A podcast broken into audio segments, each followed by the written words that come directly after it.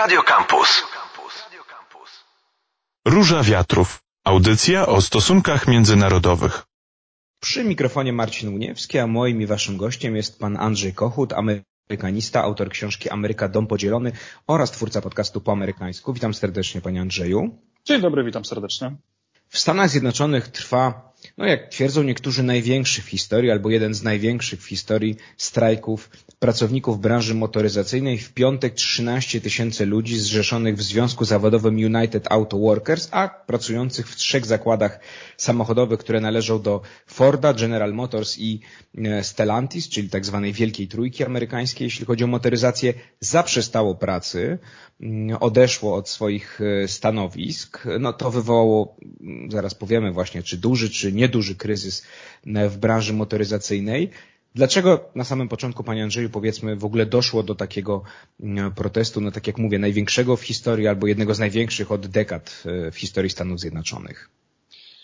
No myślę, że zastanawiając się nad tym, dlaczego do tego strajku e, doszło akurat teraz, e, możemy wskazać trzy powody. Po pierwsze, w amerykańskiej branży motoryzacyjnej dzieje się stosunkowo dobrze i pracownicy, w tym również związkowcy, to widzą. To znaczy, e, to jest branża, która w Stanach Zjednoczonych przez wiele lat była pogrążona w kryzysie. Najpierw pogrążona w kryzysie w związku z tym, że pojawiła się bardzo silna konkurencja ze strony motoryzacji japońskiej. Amerykańska motoryzacja wówczas e, produkowała samochody bardzo paliwożerne, mocno awaryjne, w związku z czym e, straciła e, znaczącą, znaczącą dominację na rynku amerykańskim na wiele lat. Później do tego dołożył się jeszcze kryzys 2008 roku, a w ostatnich latach amerykańska branża motoryzacyjna zdaje się wychodzić E, na prostą. To jest o tyle ważne, że w czasach, kiedy amerykańska motoryzacja miała się źle, e, to zwłaszcza we wczesnych latach 2000 i później w okolicach e, właśnie kryzysu 2008 roku, związki zawodowe zgodziły się na szereg koncesji to była sytuacja bez precedensu. Związki zawodowe zgodziły się zarówno na cięcia płac, jak i na cięcia dotyczące innych benefitów, na przykład tych związanych z emeryturami. I te dzisiejsze żądania wynikają po części z tego, że mm, pracownicy chcieliby wrócić do, przynajmniej w jakimś stopniu do tych warunków, które pracodawcy oferowali im wcześniej. Uznają, że skoro dzieje się na tyle dobrze, że na przykład E, CEO oraz zarząd tych największych firm mogli sobie pozwolić na 30-40% podwyżki, jeżeli chodzi o wynagrodzenie, to również takie podwyżki mogliby uzyskać pracownicy. To jest pierwszy z powodów. Drugi z powodów e, to wydaje się jest pewna kalkulacja polityczna. To znaczy dziś w Białym Domu rezyduje Joe Biden, prezydent, który często podkreśla swoją prozwiązkowość, swoją przyjaźń dla związków zawodowych. W związku z tym e, związkowcy z United Auto Workers e, uznali, że to jest dobry czas, by powiedzieć sprawdzam, żeby ten prezydent mógł udowodnić, że rzeczywiście nie tylko słowem związki zawodowe wspiera i by również e, wykorzystał te narzędzia, które posiada, by jakoś wpłynąć na sektor motoryzacyjny, na te trzy największe amerykańskie koncerny, by poprawiły warunki pracy swoim pracownikom.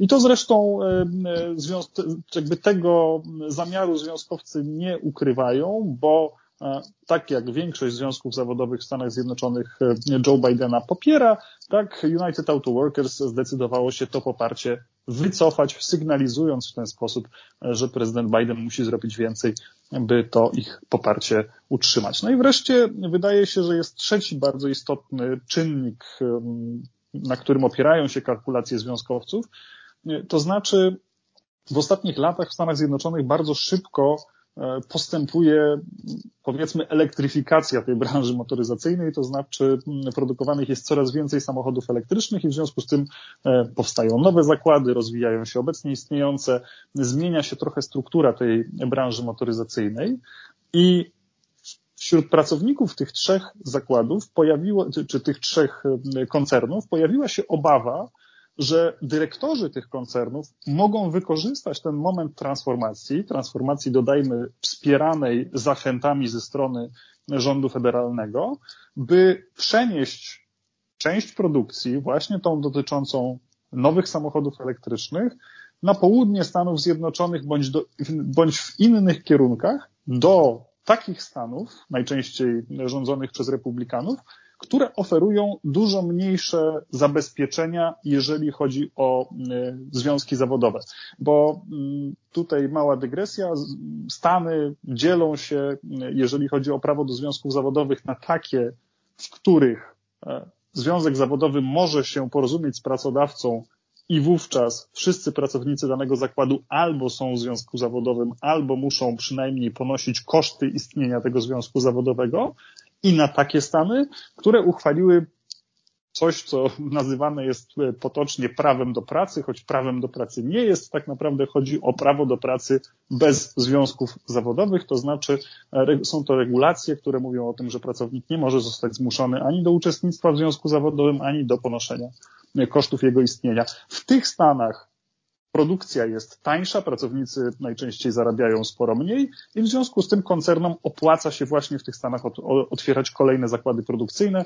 Dziś e, pracownicy tych trzech największych korporacji, które e, większość zakładów produkcyjnych mają jednak na północy, w takich stanach jak Michigan, gdzie związki zawodowe są silne, obawiają się, że przy okazji e, tej transformacji technologicznej zakłady zostaną przeniesione w inne rejony Stanów Zjednoczonych, tam gdzie praca jest e, tańsza, na, na czym oni w bardzo znacznym stopniu ucierpią, no bo również te koncerny będą zapewne stopniowo odchodziły od produkcji samochodów spalinowych w kierunku właśnie samochodów elektrycznych. To czego domagają się w takim razie, panie Andrzeju, pracownicy i Związek Zawodowy, który ich reprezentuje? No a z kolei co proponują giganty samochodowe? No bo na razie mamy PAD. United Auto Workers już zapowiada, że mogą być kolejne kroki protestacyjne. Jeszcze więcej pracowników może odejść, e, odejść od swoich miejsc pracy. No bo rozbija się wszystko, przede wszystkim, chociaż to nie jedyny, nie jedyny postulat o zarobki. Tak, no tym największym i najgłośniejszym postulatem jest e, właśnie podniesienie zarobków pracowników branży motoryzacyjnej e, o około 40% w ciągu kilku lat stopniowo.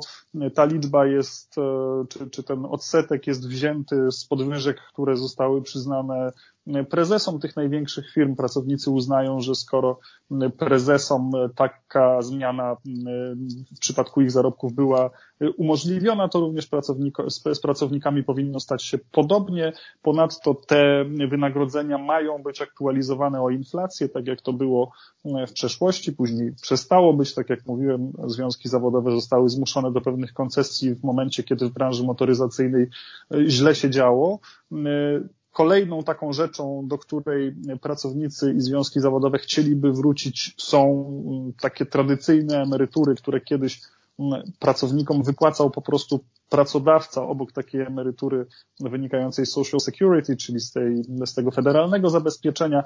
Później w ramach właśnie programu oszczędności korporacje mm, przeszły na coś, co odrobinę przypomina polskie e, pracownicze plany kapitałowe, 401k e, w amerykańskiej nomenklaturze. Dziś e, pracownicy, którzy doświadczyli problemów związanych również z tym rozwiązaniem właśnie w sytuacji, kiedy na przykład na giełdzie nie dzieje się najlepiej, chcieliby wrócić do tego wcześniejszego rozwiązania i to również jest jeden z postulatów. Oprócz tego mamy na przykład postulaty dotyczące skrócenia czasu pracy, na przykład do cztero dniowego e, tygodnia e, pracy. No i jeszcze dochodzą na przykład e, żądania dotyczące większej liczby dni płatnego urlopu, bo w Stanach Zjednoczonych nie ma wpisanego w prawo, w prawo pracy, tak jak to jest na przykład w Polsce, wymiaru urlopu w przypadku umowy o pracę te rzeczy regulują umowy pomiędzy pracownikami i pracodawcami. W związku z tym tutaj również Związek Zawodowy chciałby dla swoich pracowników e, ugryźć więcej.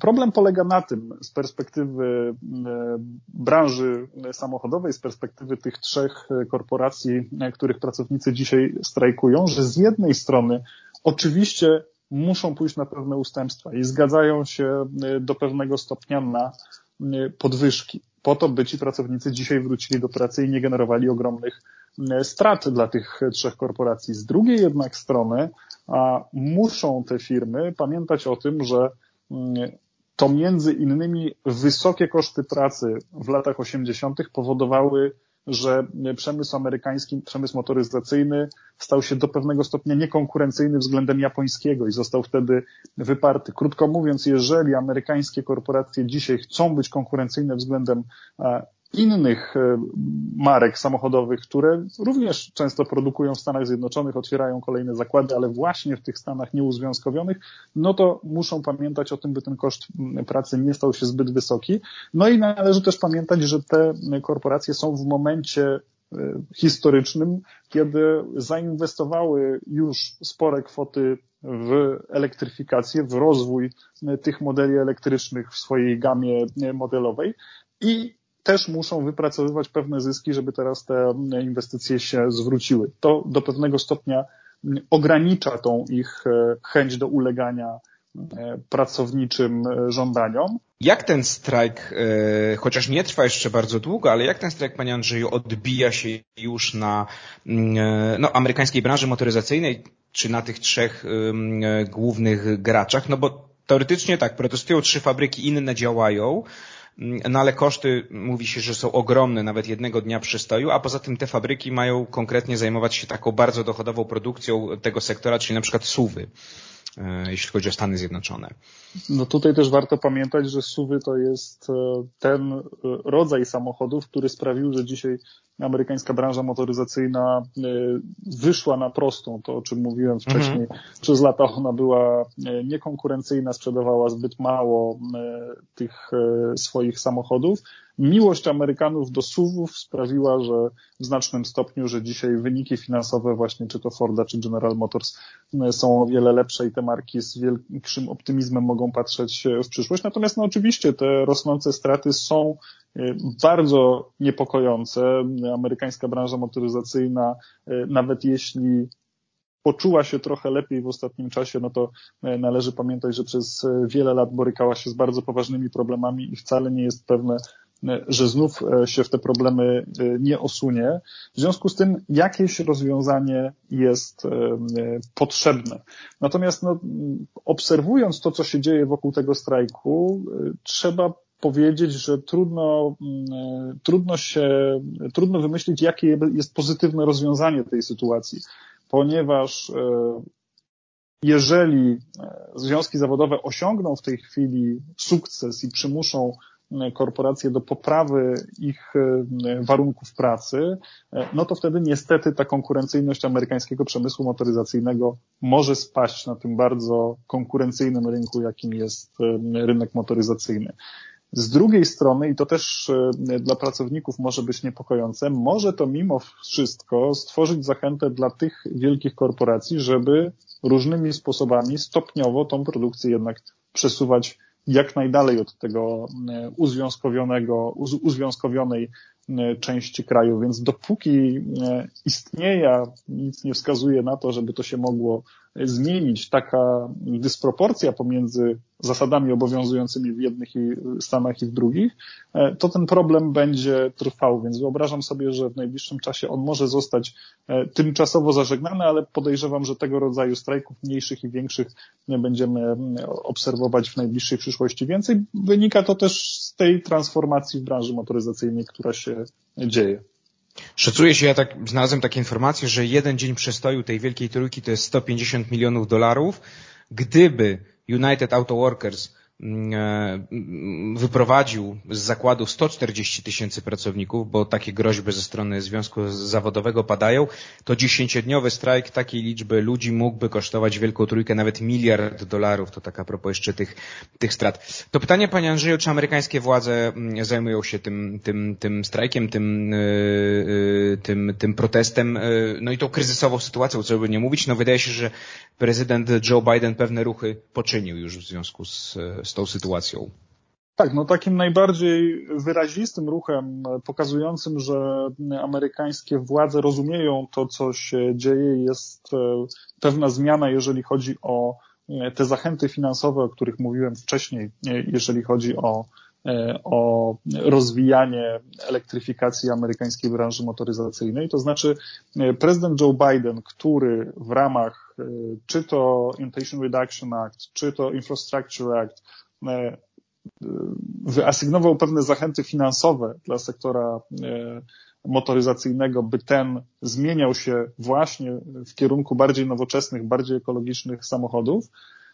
Przez pewien czas te zachęty funkcjonowały w dosyć dziwny sposób to z perspektywy demokratów, to znaczy te pieniądze trafiały przede wszystkim do e, nowych zakładów, czy prowokowały powstawanie nowych zakładów w Stanach rządzonych przez republikanów, kosztem tych stanów, w których dzisiaj rządzą e, demokraci, e, kosztem tych stanów, w których właśnie pracownicy podejmują te strajki. Więc w tej chwili rząd Stanów Zjednoczonych chce przesunąć część tych pieniędzy w taki sposób, by wspierać modernizację tych już istniejących zakładów, by niejako wymusić na tych e, przedsiębiorstwach, które korzystają z finansowania federalnego, by w większym stopniu wykorzystywały te już istniejące zakłady również do produkcji samochodów elektrycznych i by w ten sposób e, zapewniły przyszłość pracownikom branży motoryzacyjnej, którzy w innym wypadku mogą być zagrożeni utratą pracy, jeżeli nie teraz, to w bardziej odległej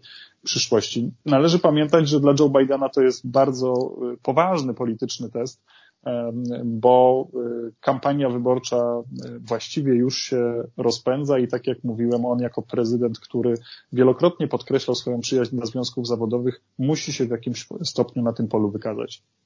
Zapytam troszkę tak z cynicznego punktu widzenia, panie Andrzeju, na ile ten protest i jego możliwa eskalacja, jeśli do porozumienia nie dojdzie, a United Auto Workers, czyli Związek Zawodowy zapowiada, że może wyprowadzić jeszcze o wiele więcej pracowników i, i, i przedłużyć mm, akcję protestacyjną, e, no, jest pewnym paliwem wyborczym w Stanach Zjednoczonych, czy paliwem politycznym, no powiedział pan tak o reakcji e, Joe Bidena, na ile czy już, czy może dopiero zaczną na przykład republikanie wykorzystywać ten protest, czy, czy trampiści, mówiąc bardziej, no bo na Trumpa przecież pamiętamy głosowali mm, w wyborach e, mm, często biali wyborcy, którzy właśnie stracili, stracili miejsca pracy, bo wielkie zakłady poupadały. No te zakłady co prawda nie upadły, no ale, ale są tutaj problemy, są protesty, więc na ile, na ile, mm, no właśnie, może to być paliwo polityczne dla, dla republikanów.